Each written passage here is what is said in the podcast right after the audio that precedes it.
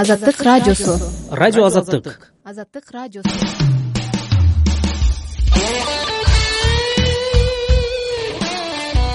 Меня зовут цинат султаналиева я сейчас учусь на докторантуре в японии в университете цукубы. Темой моего исследования являются являются феминистские нарративы в кыргызстане и возможно в японии. Я еще думаю по своей теме до учебы там я работала в кыргызстане и в нидерландах. Ну то есть в целом в принципе уже десять лет э, работаю в гражданском обществе ну то есть являюсь гражданской гражданской активисткой. По большей части в области феминизма прав людей лгбт прав.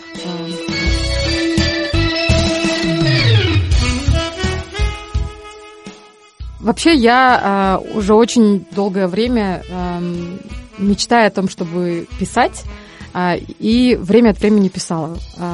Сейчас как бы тот э, рассказ который опубликовали это рассказ э, написанный специально для сборника квир феминистской фантастики который выпустили в э, кыргызстане в апреле организация или группа штаб сейчас называется уже феминистский штаб или фемштаб вот и это сборник из 15 рассказов где мы как бы писатели писательницы большей частью являемся активистами вот правозащитницами феминистками. И мы попытались представить какой он мир будущего для чего мы стремимся или к чему мы стремимся.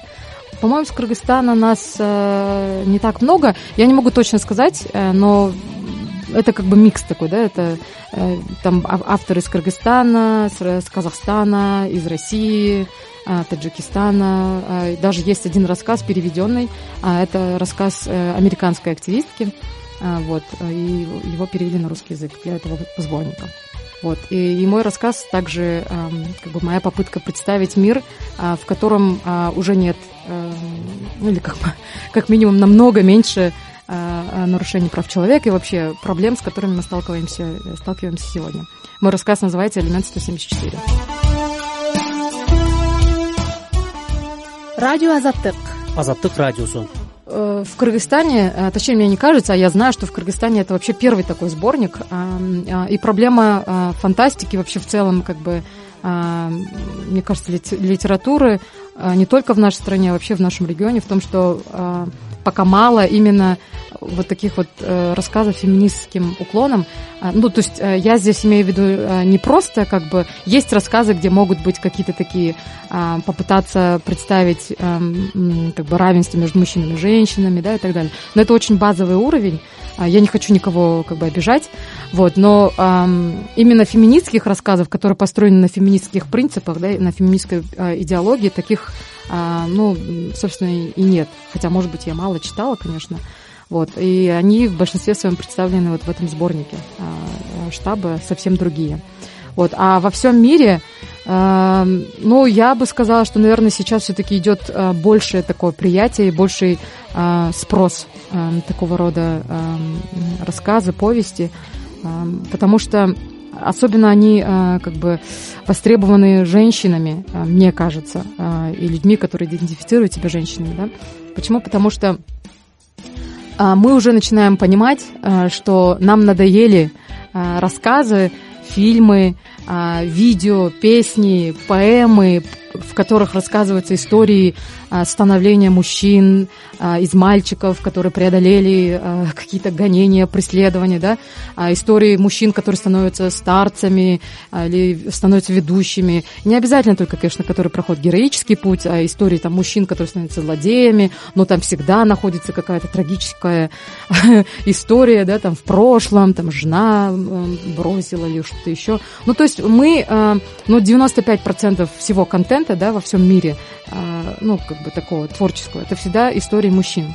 И мне кажется, сейчас уже наконец-то женщины э, как бы начинают понимать, что не обязательно читать только такие истории, что есть истории, в которых можно узнать себя, можно искать свой, узнать свой путь, или можно даже познакомиться с какими-то героинями, которые, э, к которым можно стремиться. Да?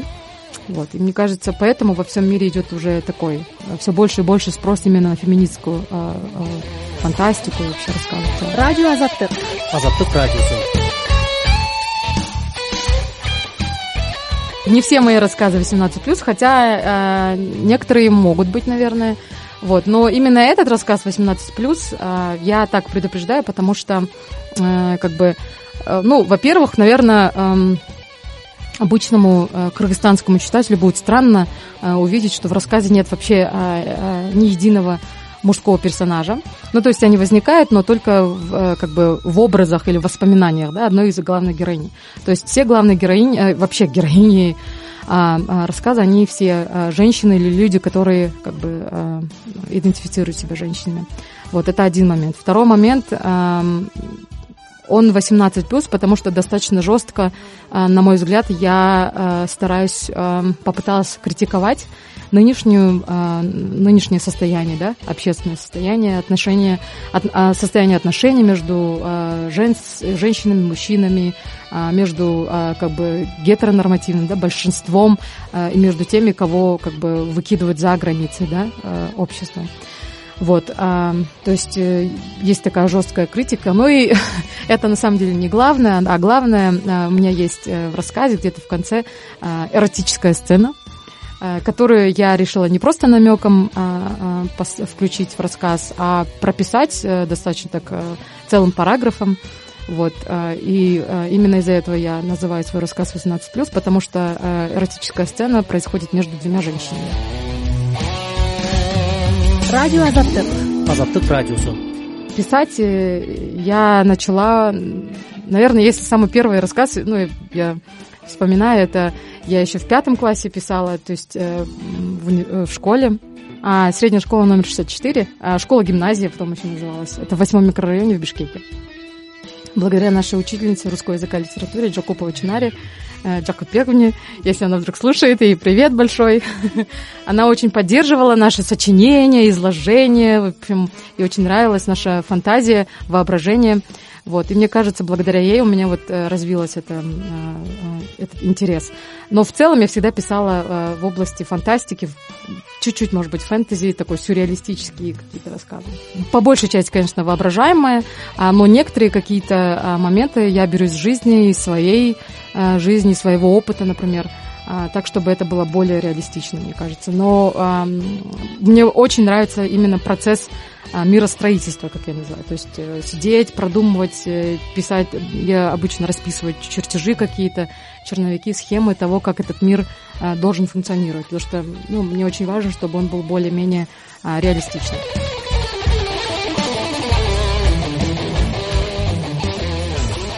До этого я не публиковалась, то есть я э, зарегистрирована на сайте творчества KG, есть тоже такой очень хороший сайт, а, на котором э, пишут э, и публикуются э, писатели и писательницы из- Кыргызстана, Казахстана тоже есть, из России, насколько я знаю. Вот, и э, э, этот сайт тоже очень оказал большое влияние, поддержку. Спасибо организаторке э, сайта Юлии Ф. Вот. э, Почему этот э, сайт был важен? Был и есть важен, потому что на нем а, мы, ну, то есть э, организаторы э, сайта стараются организовывать э, конкурсы ежегодные, вот, и они по- позволяют нам практиковать э, свое, ну как, чтобы перо не, за, не, не затачивалось, да, вот, то есть, в принципе, да, мои рассказы, которые есть, их можно найти именно вот на этом сайте. А так, э, как в виде книги именно опубликованной, э, это вот первый, первый раз. радио азаттык азаттык радиосу Мне кажется, сейчас э, на самом деле и сложно, и легко, а, но чтобы стало легко, нужно сначала пережить ту часть, которая сложна. И что я имею в виду под э, сложно э, быть писательницей? Потому что, мне кажется, ну, вообще-то, на самом деле, уже и сто лет назад эта проблема была. Это проблема того, что все, все сюжеты уже как бы перечислены. Есть такая теория, что сюжеты всех рассказов можно прокатегоризировать в 36 основных рассказов или тем. Вот. И что-то выйти за рамки э, этих 36 очень сложно. Вот. Но, с другой стороны, мне кажется, именно в наше время а, становится опять а, легко, то есть если мы преодолеем да, вот это первичное, первичную сложность. А, Легко почему? Потому что мы, на мой взгляд, на пороге совершенно новой какой-то эпохи, а, человечества, и это снова становится интересно попытаться представить, что будет через 20 лет, даже через, э, даже через 10 лет. То есть э, то, с каким темпом развиваются технологии, ну, становится ясно, что через 20 лет, например, мы будем уже, наверное, не, не немного, а достаточно сильно по-другому думать, э, что-то ощущать, воспринимать и так далее. И вот в этом как раз и, мне кажется, задача писателя – попытаться представить это себе и попытаться подготовиться, попытаться посмотреть, как мы можем пережить вот эту, да, эту, катастрофу перемен каких-то определенных. Вот, поэтому в этом плане тоже а, легко, потому что очень большое поле для размышлений.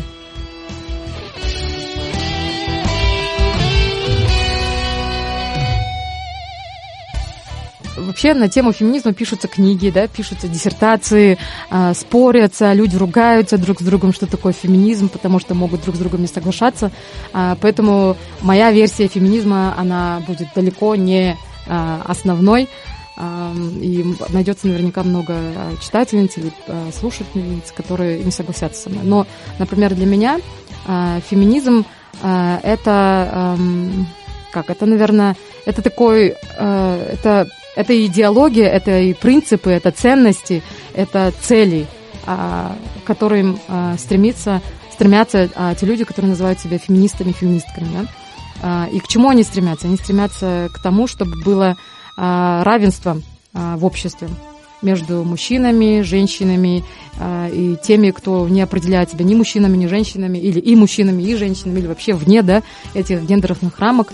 То есть это идеология, которая говорит, что все люди равны вне зависимости от их э, пола, гендерной идентичности, сексуальных ориентаций, вне зависимости от их психологических, психических возможностей, ментальных, да, интеллектуальных возможностей, возможностей здоровья, и, там, класса, расы и так далее. Вот, на мой взгляд, феминизм это про это. Ну и понятное дело, тут нужно очень тоже понимать, что феминизм он как бы он э, как сказать он мирный, конечно же, но при этом нужно понимать, что для того, чтобы феминизм достиг своей цели, придется потесниться. А, и именно из-за этого феминизм а, не терпят те люди, которые должны будут в итоге потесниться, да. То есть, в частности, например, это, ну вот есть такое вот выражение WASP по-английски, то есть это Э, ну, на русский, наверное, э, переведу, что это как бы белые, э, гетеросексуальные, христианские мужчины, ну, или мужчины-христиане. То есть это вот такой доминирующий вид, да. И как бы для того, чтобы феминизм случился, нужно, чтобы эти люди немножечко как подвинулись в своем месте, чтобы другие могли поместиться.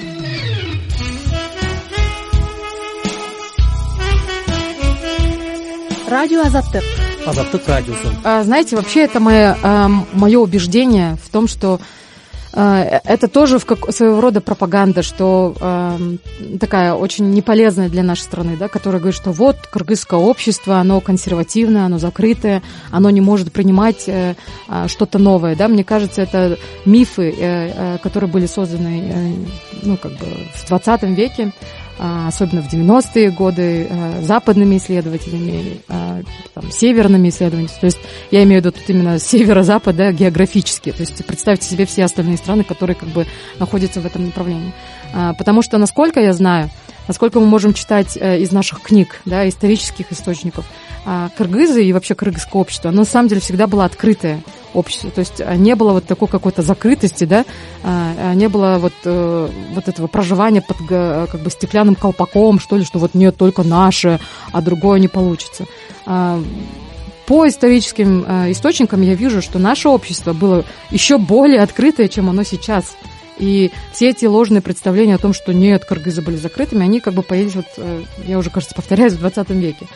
Вот, поэтому э, я считаю, что при условии, что как бы наше новое как бы академическое поколение, да, среди частью которых, например, являюсь я, что чем чаще мы будем поднимать такие вопросы современ... не только в современности, но и вопросы подобного рода из истории нашей страны, мне кажется, люди начнут понимать, что, ага, ну вообще-то мы не были такими э, как бы у нас не было идеологии ненависти, да, не было идеологии непринятия других людей. Мы всегда были открыты, мы всегда были гостеприимными. Мне кажется, именно нам нужно помнить и нам нужно возвращаться к этим истокам, если уж возвращаться вообще к каким-то истокам, да, потому что истоки у нас хорошие, но мне очень жаль, что где-то вот а, по пути а, нас немножко сбили а, с пути, заставив думать, что мы, оказывается, какие-то закрытые, а, не любим людей, что мы их можем ненавидеть, что мы их мож, можем желать им смерти. Не знаю, никогда не видела, чтобы, не читала такого, чтобы как бы народ в целом, да, мог как бы уважать такие ценности. Вот любой рассказ да, Чингаза Айтматова, не знаю, Джангл Марза, почитайте, ну, в принципе, да, мне кажется, многие из нас помнят из, э, из школьной программы всегда как бы воспевались такие черты характера, как доброта, справедливость, да, настоящая справедливость, где важно не статус человека, не его класс, не его какой-то ну, клановость, а именно справедливость, вселенская справедливость. А по вселенской справедливости мы все равны, правильно? Перед Богом. Перед Богом, перед Вселенной, перед богами, перед ком, кому верите, перед тем мы и равны. Вот. И мне кажется, что э, наш народ как бы понимает это в глубине. Поэтому я думаю, что мы достаточно скоро сможем опять вернуться к вот этому.